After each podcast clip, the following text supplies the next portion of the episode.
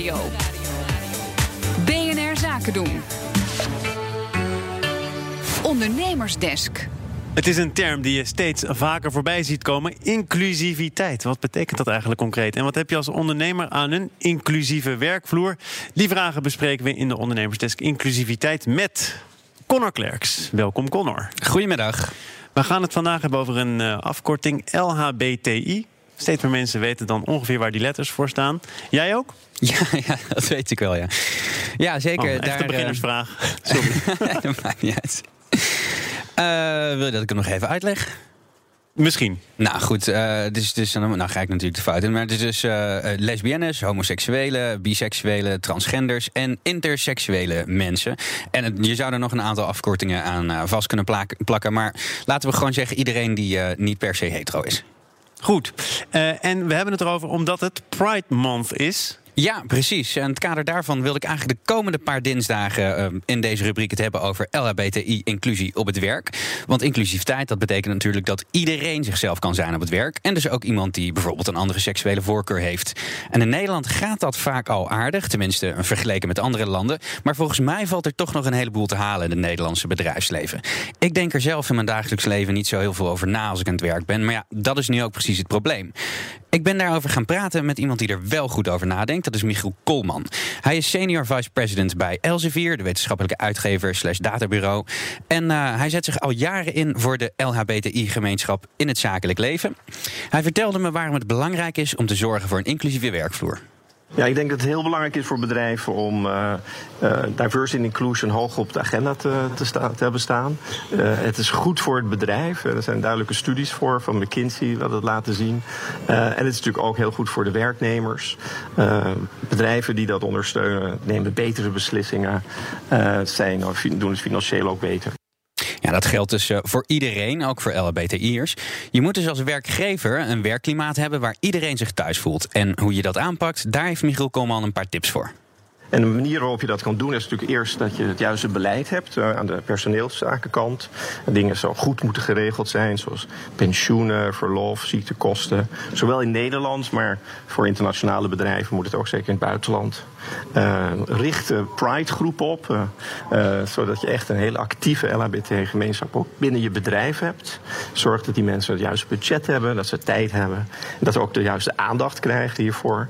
En zorg ook dat er steun is van de top dat het heel duidelijk is dat iets wordt gedragen door de CEO en het senior management.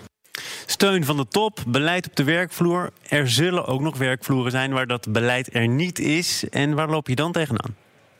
Ja, dat vroeg ik me ook af. Het gaat er dus bijvoorbeeld om dat je op je werk gewoon uit de kast kunt komen. Dat je daar dus prettig genoeg voor voelt. En als dat niet zo is, zijn er volgens Michiel duidelijke negatieve gevolgen voor het bedrijf.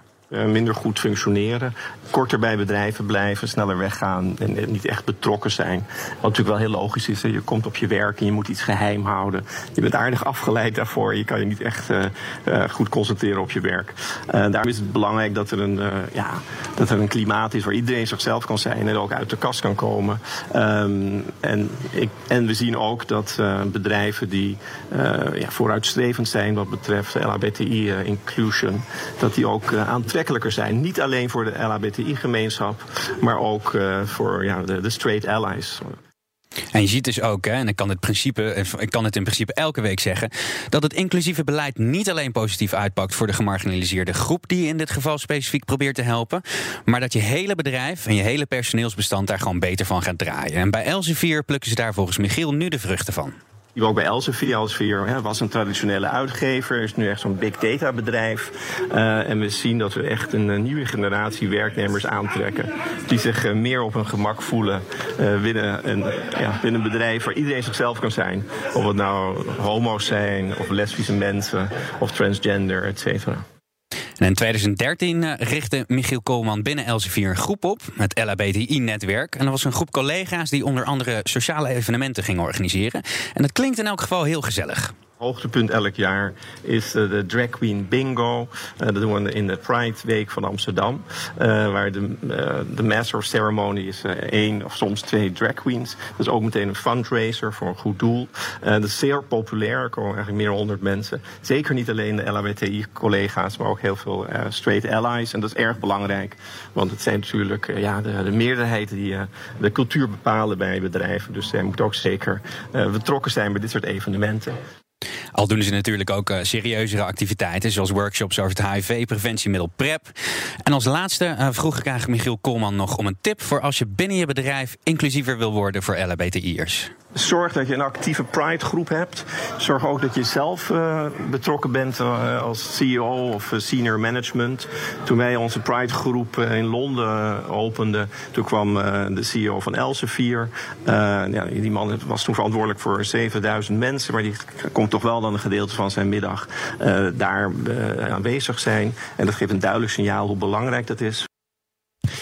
Ja, Connor, dit programma is ook meestal inclusief jou. Wat gaan wij morgen met elkaar bespreken? Morgen hebben we het in de ondernemersdesk uh, energie over. Jeetje, heb ik niet opgeschreven. Ben ik even helemaal kwijt. Sorry. Oh, dat wordt heel spannend. ik denk dat de meeste luisteraars dit echt per se willen weten. Dus alle reden om ook morgen weer te luisteren naar BNR Zaken. Dan hoor je onder andere Connor Klerks. Wil je nu alvast meer weten over inclusiviteit? Er is een nieuwe podcast van BNR, All Inclusive.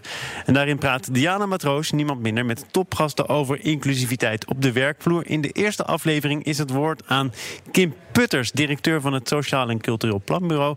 Die uitzending, aflevering, heet dat als je een podcast maakt, staat al online. Dus veel plezier daarmee. Ondernemersdesk Inclusiviteit wordt mede mogelijk gemaakt door Verderkijkers. Een initiatief van het ministerie van Sociale Zaken en Werkgelegenheid.